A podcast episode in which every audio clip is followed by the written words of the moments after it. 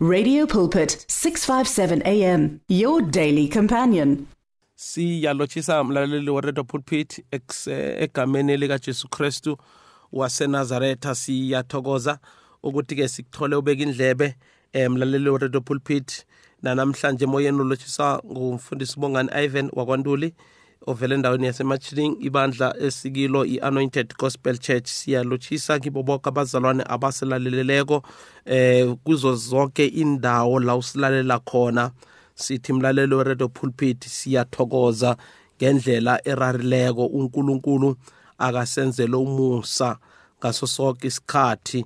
Eh kikho konke egameni likaJesu Kristu waseNazaretha. Siyafunda namhlanje sike incwadi ngeyabasefilipi Philippians Philippians isahluko sika 1 sifunda uverse number 3 ukuyokufika uverse number eh 6 eh verse number 3 ukuyokufika kuverse number 6 eh sifunda khona lesi sahluko sika 1 chapter 1 Philippians isahluko sika 1 incwadi ngiyabasefilipo isahluko ngesika 1 sifunda from verse number 3 ukuya ku verse number 6 eh sifunda ku verse number 3 ukuya ku verse number 6 ifundeka ngalendlela eh ngesingisi ake siyifunde.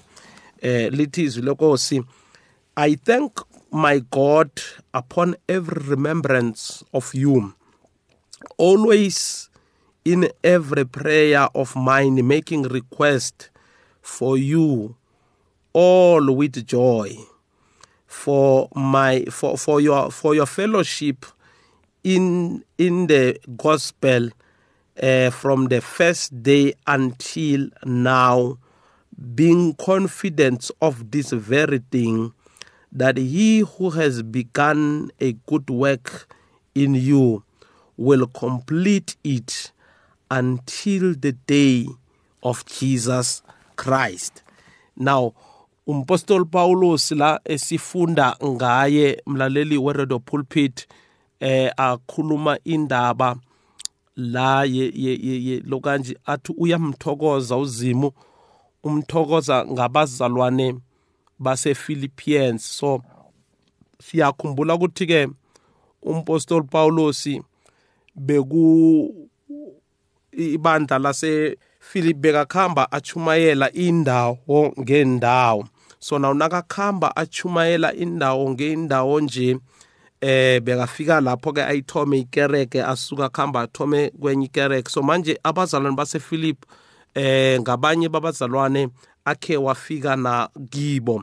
So naw ngalesikhathi abhala lencwadi le ayibhalela abaPhilip bekangekho phakathi kwabo.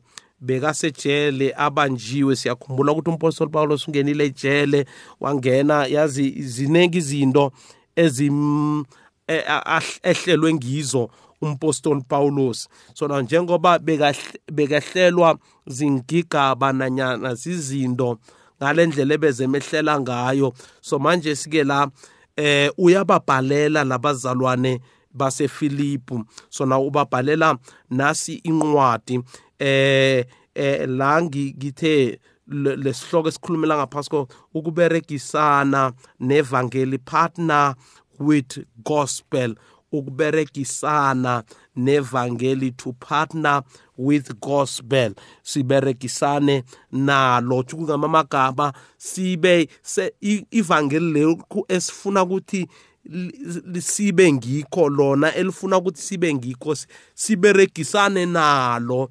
silithobele sibe sibe mnene kufana nolokanje eh umdaka ezandleni zombumbi.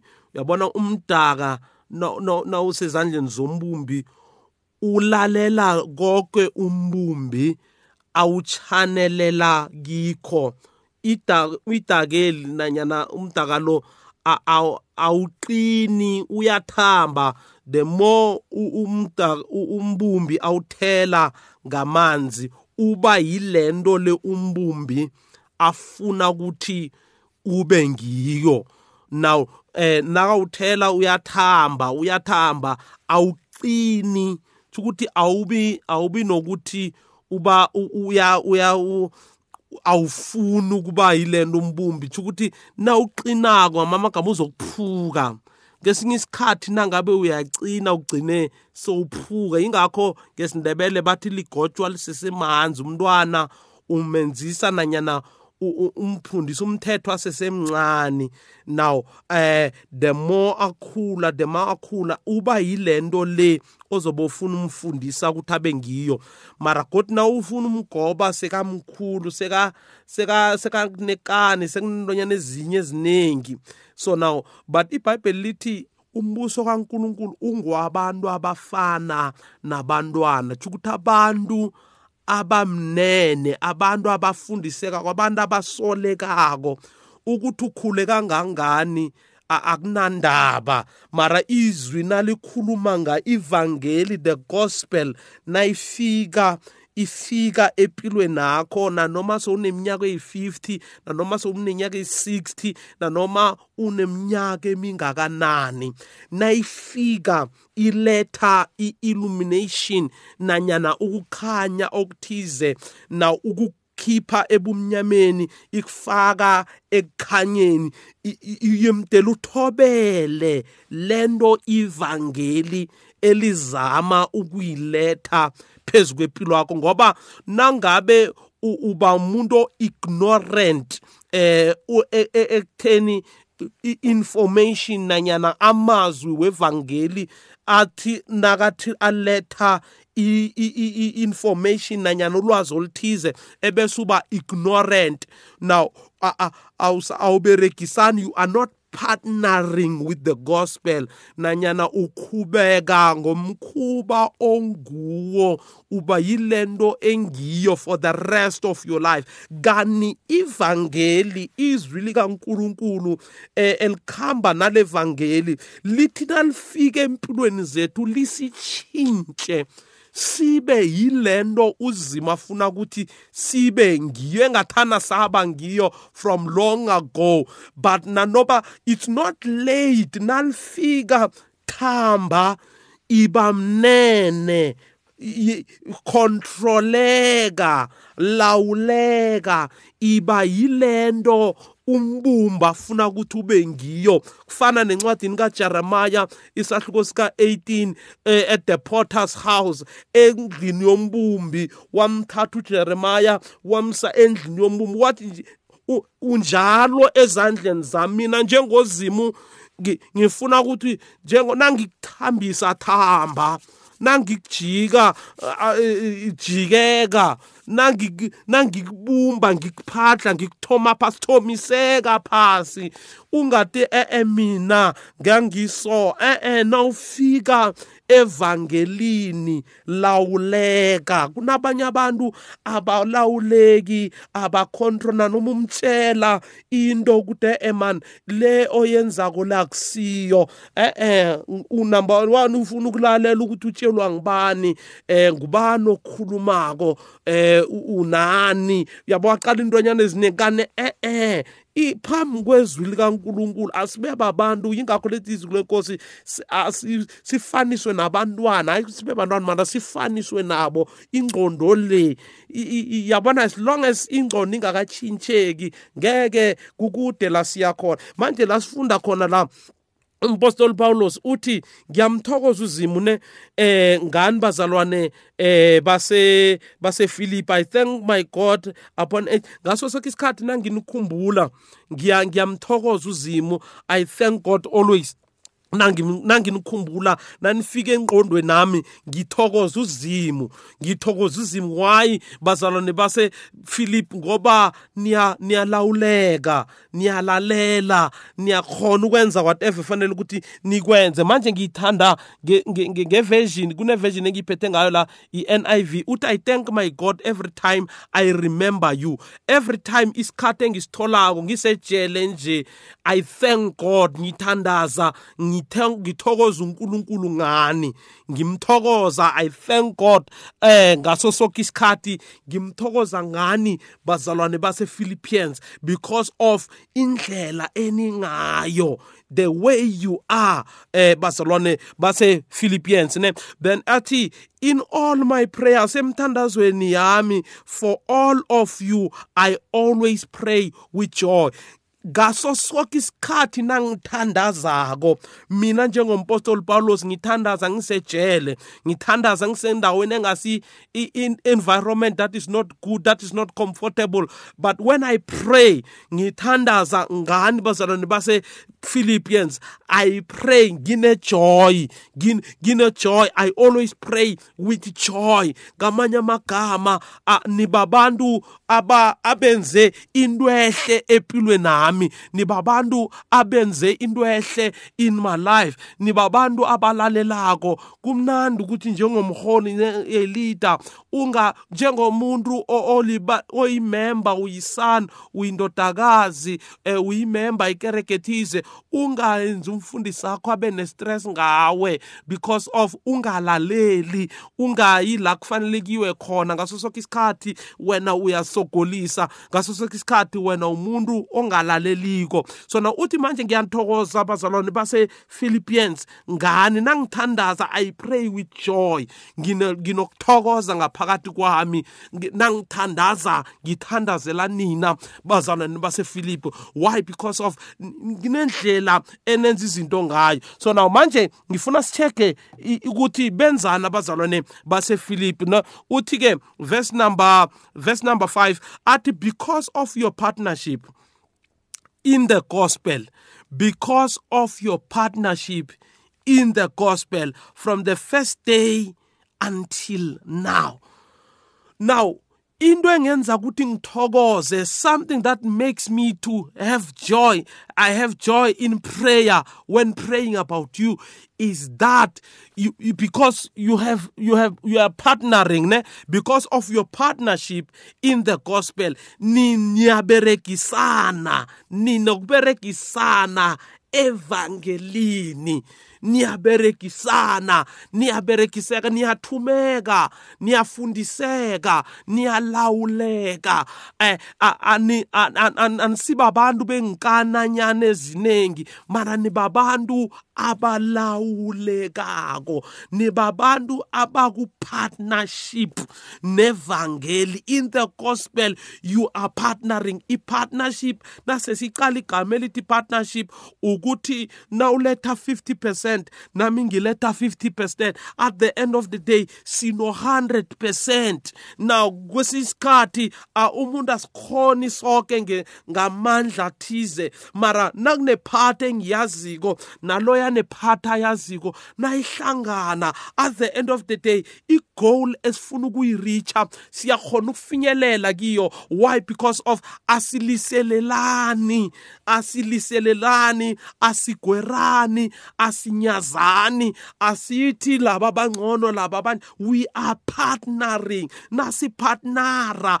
onganakho wenzela ona onakho wenzela lo onganakho. Onganakho naye kunento angayenza ekhombisa ukuthi ukupartnership usekuberegisaneni nevangeli ukuthi yemtele li-advance lithuthuke liye phambili lifinyelele. La lifanele ukuthi lifinyelele khona. Sibe sekuberegisaneni abantu namhlanje abafuna ukuberegisana bafuna ukwenza i-one man show ukuthi kube nguye nguye. Nakangekho kubonakale ukuthi akekho. Kanti eh sifuna ukuthi sibe abantu uthi uPaul ngithokoziswa ukuthi akunastering phakathi kwenu.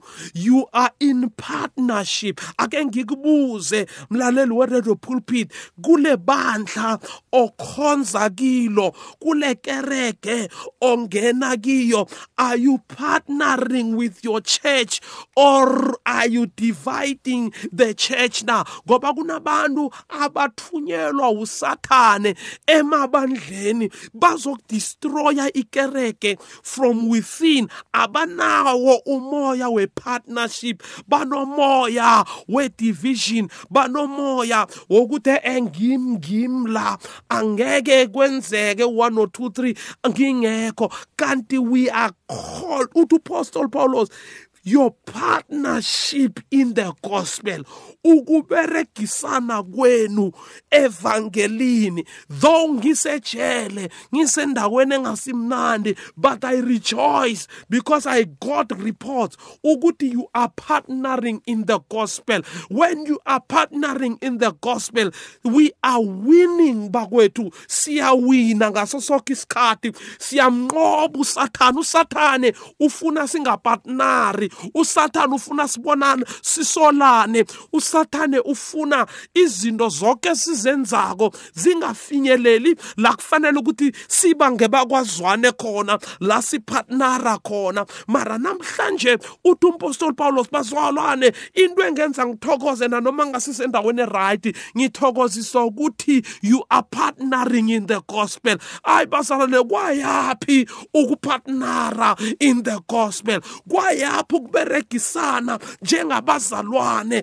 bakaNkuluNkulu. Ngiyo into eyokuhlula usathane ngiyo into eyokuhlula amadimoni ngiyo into eyokuhlula abathakathi. Ukuthi we are partnering in the gospel. Asibonani asisolani asenzani izinto ezimbi. We are partnering because sinomjongo eyodwa. Ukuthi kufanele sifinyelele emgomeni ekufanele ukuthi sifikeleke kuwo. Manje nangabe we are not in partnering with the gospel senza ukuthi la siya khona singafiki ngesikhathi ngoba soloko sisolana soloko sibona sibona omunye uzibona ngono omunye uzibona hayi man let us partner with the gospel.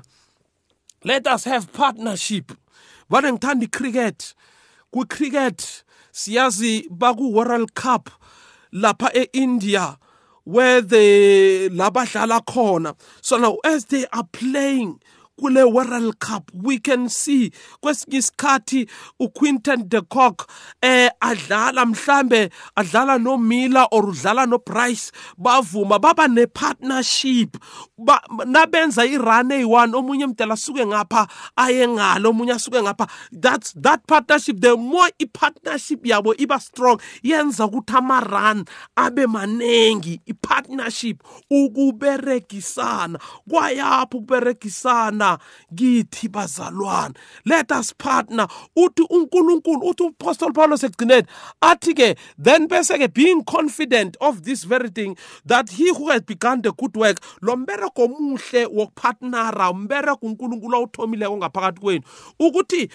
uyowufezakalisa kufikela isikhathi sikaJesu. Manje uapostolo Paulus uthi lento esenithomile ukuyenza uNkulunkulu njengoba yihle uyeyifezakalisa uyoyiphelelisa kufikela la uJesu khona abuya khona. Ngamamagama ukwenza into ehle ukupartnera in the gospel. uNkulunkulu uyokwenza ukuthi lento ingapheli. Asilweleni ukuthi sisebenzisane asilweleni ukuthi sipartnere in the gospel. uNkulunkulu womusa uyokwenza ukuthi lento esiyenzako ehle ingapheli. Ububi lobo bosolo benzakala in the church of God kuyakhombisa ukuthi kunokungapartneri kokhona. Manje nasipartnera kuvama umbereko omuhle. Noma usathane ehlasela siyamthemba weCalvary ukuthi uqalile umsebenzi ngaphakathi kwethu uyowufeza nakuwe uyowufeza keep on partnering with the gospel ake sithandaze baba siyathandaza lo moya wokubambana umoya wokupartnera to each and every one of us. Kuwo wonke amabandla akhona. Nangumlaleli weredo pulpit ongilaleleko as asangilalela sekhaya lord god almighty we pray ukuthi let the spirit of ukuberegisana sibereke nkulunkulu namandla onke phakathi kwabo ukuze kufezakalise elakho ikebe empilweni zethu. Ngegama ngegama likakristu jesu amen and amen nazi inumber zikamfundisi untuli 076 027 07 99 076 027 07 99 siyathokoza mlaleli radio pulpit amen The words of the Lord are words of life. Your heart is on 657 AM. 657 AM. Radio for believers in action.